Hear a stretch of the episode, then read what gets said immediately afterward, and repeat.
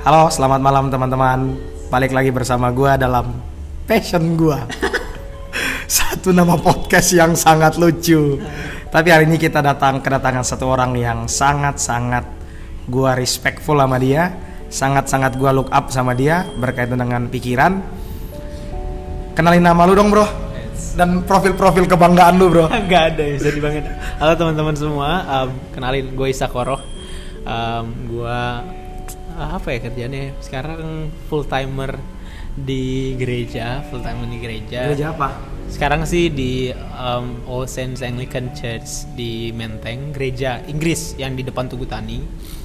Dan um, gue apa ya? Profil tentang gue, kayaknya gue itu aja keset Tuhan ya hamba Tuhan ya nggak tahu gue membahasakannya gimana yang jelas ya gue dulu sekolah teologi dan sekarang mencoba mencari nafkah melalui sesuatu atau pekerjaan yang bisa di di apa namanya di apply melalui dengan si, dengan apa ijazah gue sebagai anak teologi itu sih kak Asik. Ini ini orang low profil banget.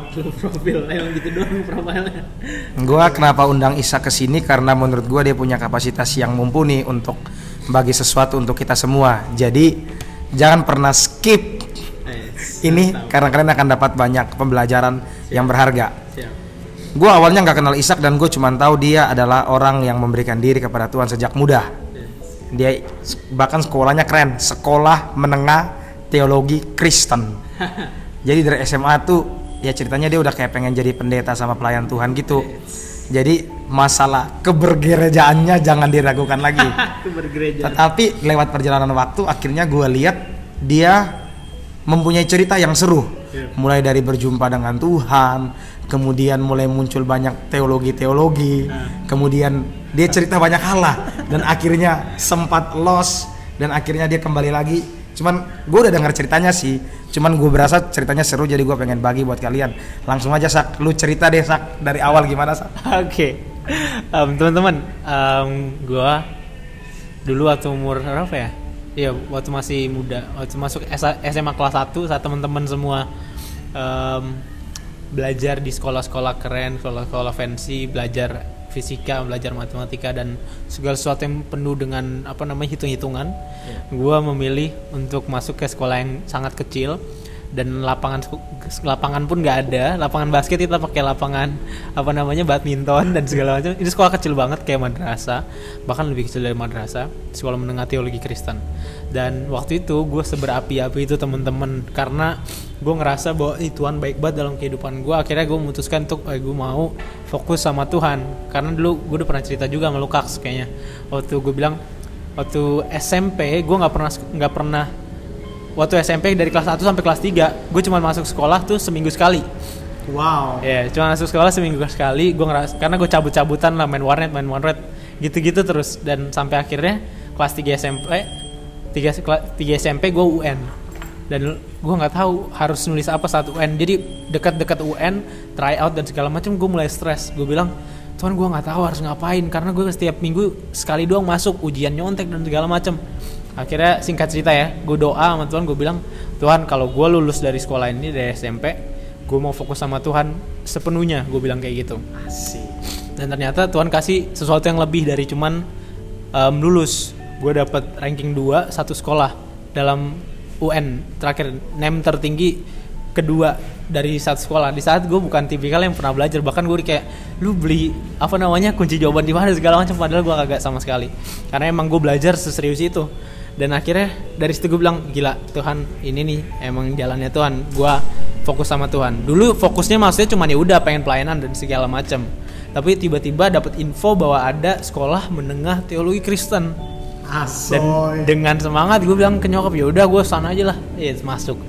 Dan sering berjalannya waktu memang gue menyukai semua pelajaran semua proses em, perkuliahan eh persekolahan di sekolah itu dan lain sebagainya sampai akhirnya lulus lulus dengan em, apa namanya keadaan yang sangat baik juga dan semangat masih semangat mau belajar teologi belajar kekristenan.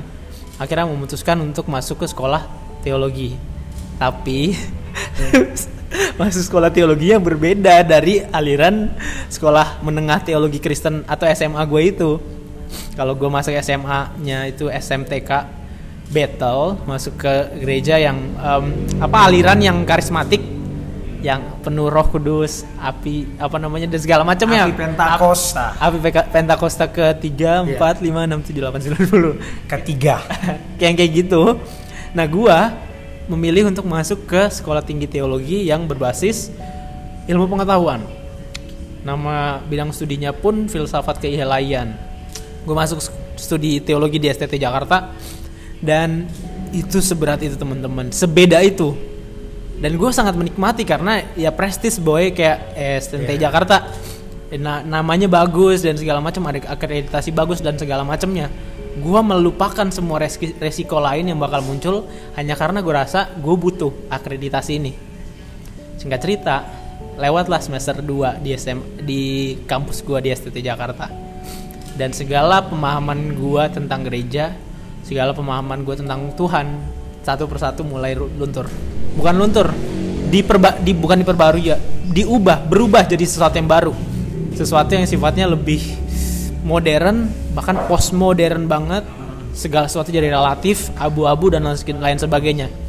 Sampai tiba di semester 3 di saat gue mulai hancur-hancuran jarang ke gereja gue mulai ngerasa semuanya relatif nih. Bahkan konsep tentang Tuhan pun harus gue pertanyakan. Dan akhirnya semester 3 semester 4 itu gue udah stop dari gereja. Stop dari gereja. Udah nggak nggak ke gereja lagi. Sampai semester 5 semester 6 semester 7 bahkan terakhir gue semester 8 lulus dari kampus gue gue sekecewa itu dan senggak suka itu dengan gereja karena gue ngerasa semua yang diajarkan oleh gereja ini berbeda sama yang gue pelajari. Berbeda sama konsep Tuhan yang gue kenal.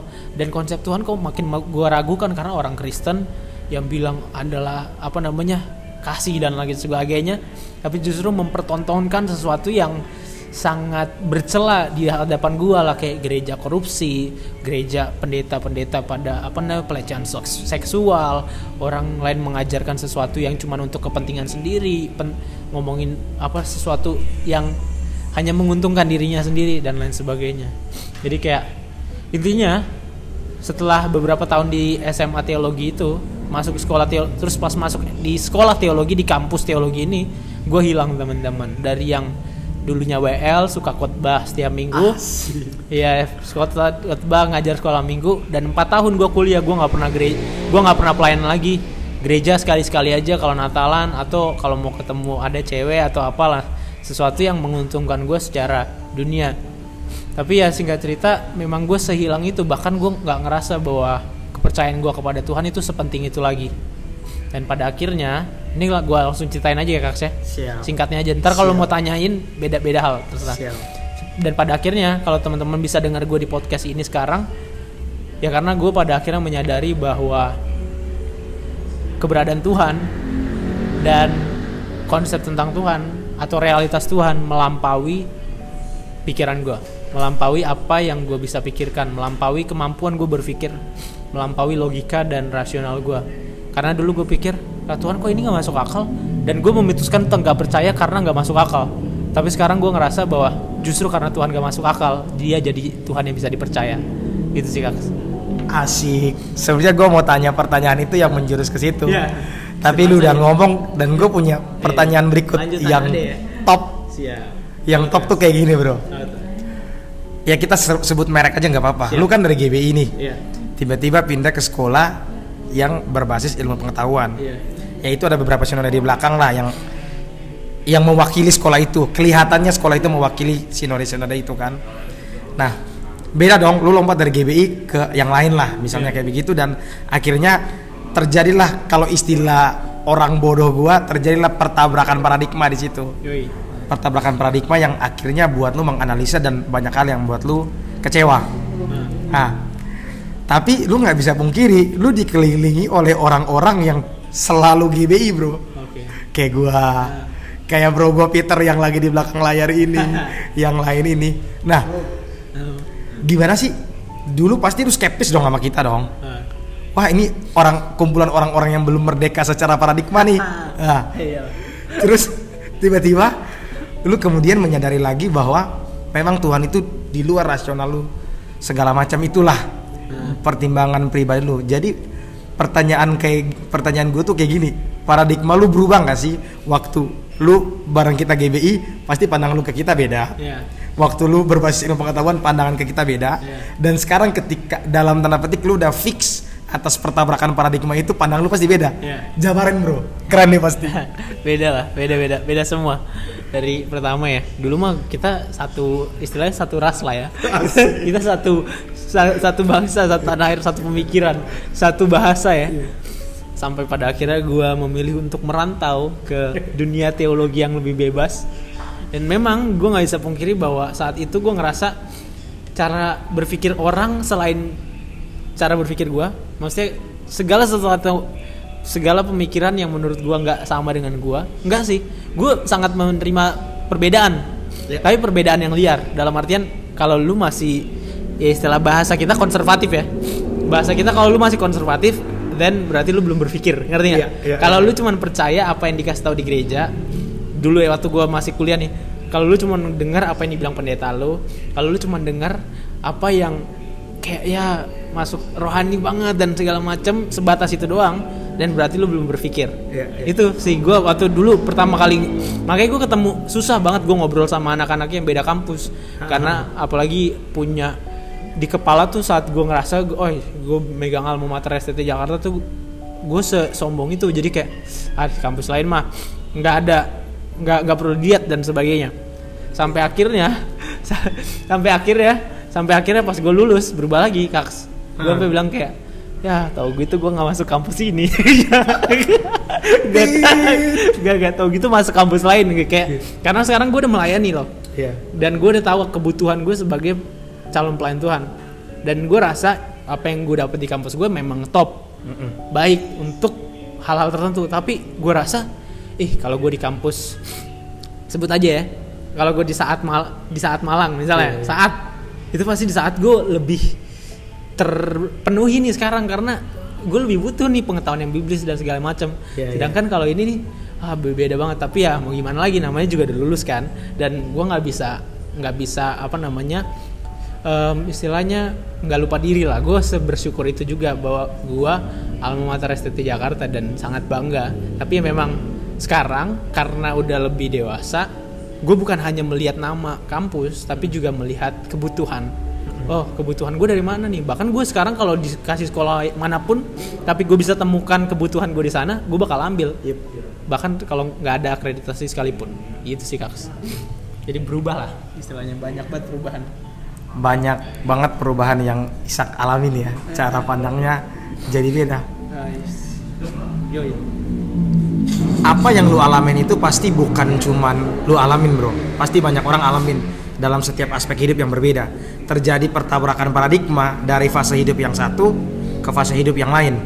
Dari lu secinta itu sama fase hidup yang pertama sampai akhirnya lu securiga itu dan akhirnya lu menemukan keseimbangan berpikir. Ya Nah, tips lu sendiri menghadapi krisis berpikir itu sampai akhirnya lu menjadi orang yang menemukan keseimbangan dalam berpikir itu tips lu untuk teman-teman yang mungkin lagi galau nih apa nih?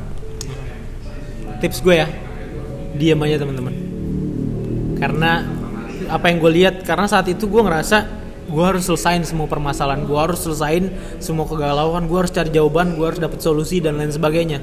Tapi justru gue sadari bahwa saat gue berusaha mencari jawaban gue sedang mengandalkan diri gue sendiri.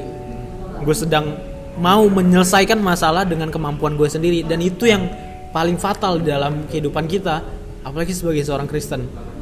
Kita tanpa sadar sedang menyatakan bahwa kita nggak butuh Tuhan dengan cara nyari jawaban sendiri Dalam berbagai masalah hidup dalam apa pun berbagai ya. masalah hidup apa pun.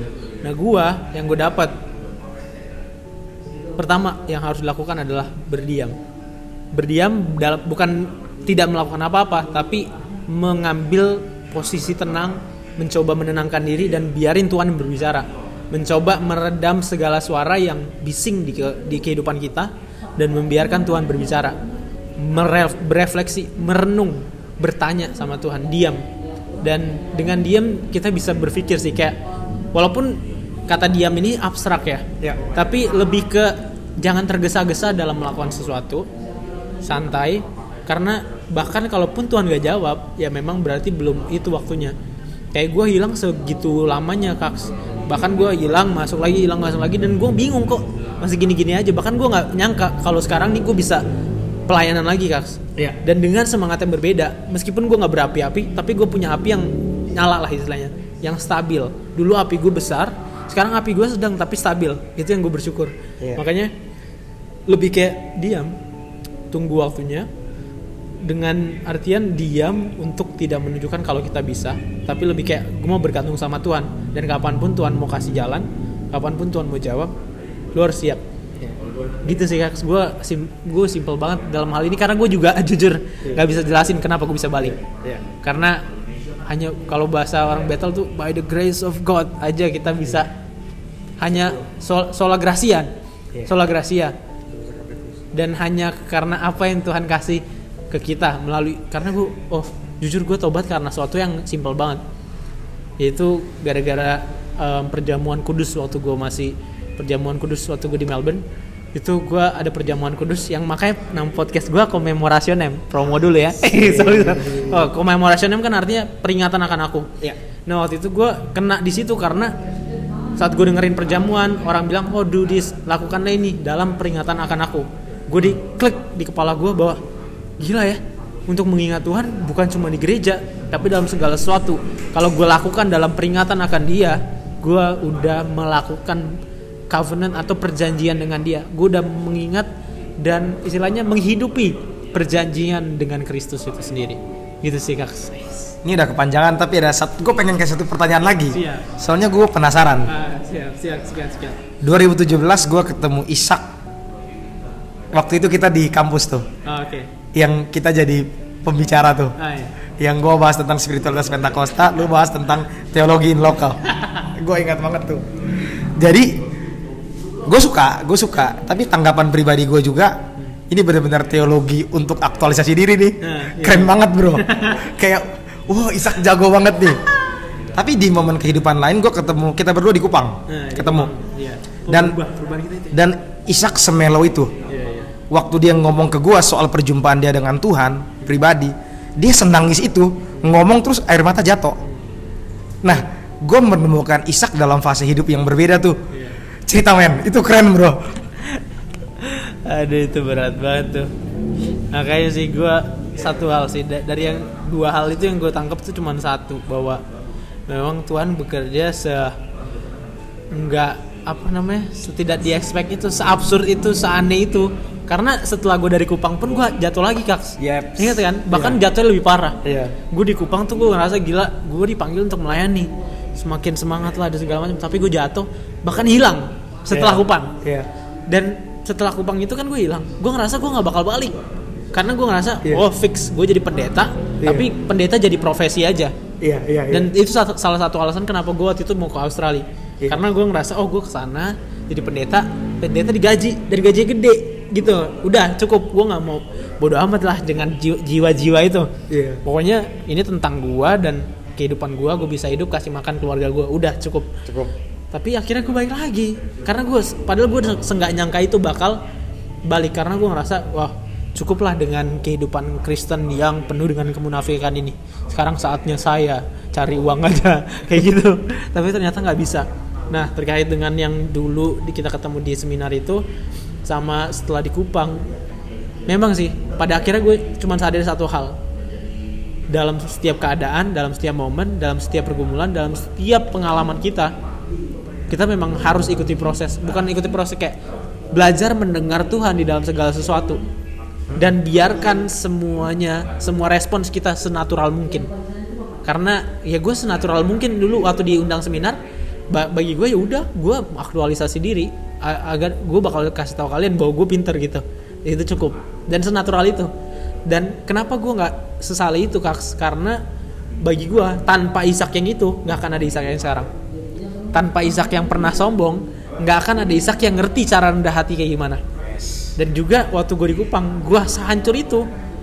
Walaupun setelahnya gue jatuh lagi, gue nggak apa-apa. Gue sebersyukur itu karena setidaknya gue tahu, oh ternyata meskipun kita udah sadar ada Tuhan, tapi belum tentu kita bisa ngelakuin perintahnya Tuhan. Belum tentu kita bisa ngelakuin apa yang Tuhan mau sesuai dengan kehendaknya Dia. Karena gue saat di Kupang gue bertobat itu kak, berdoa, baca Alkitab, tapi ternyata gue belum Secinta itu sama se- jiwa-jiwa. Iya, secinta itu sama jiwa-jiwa.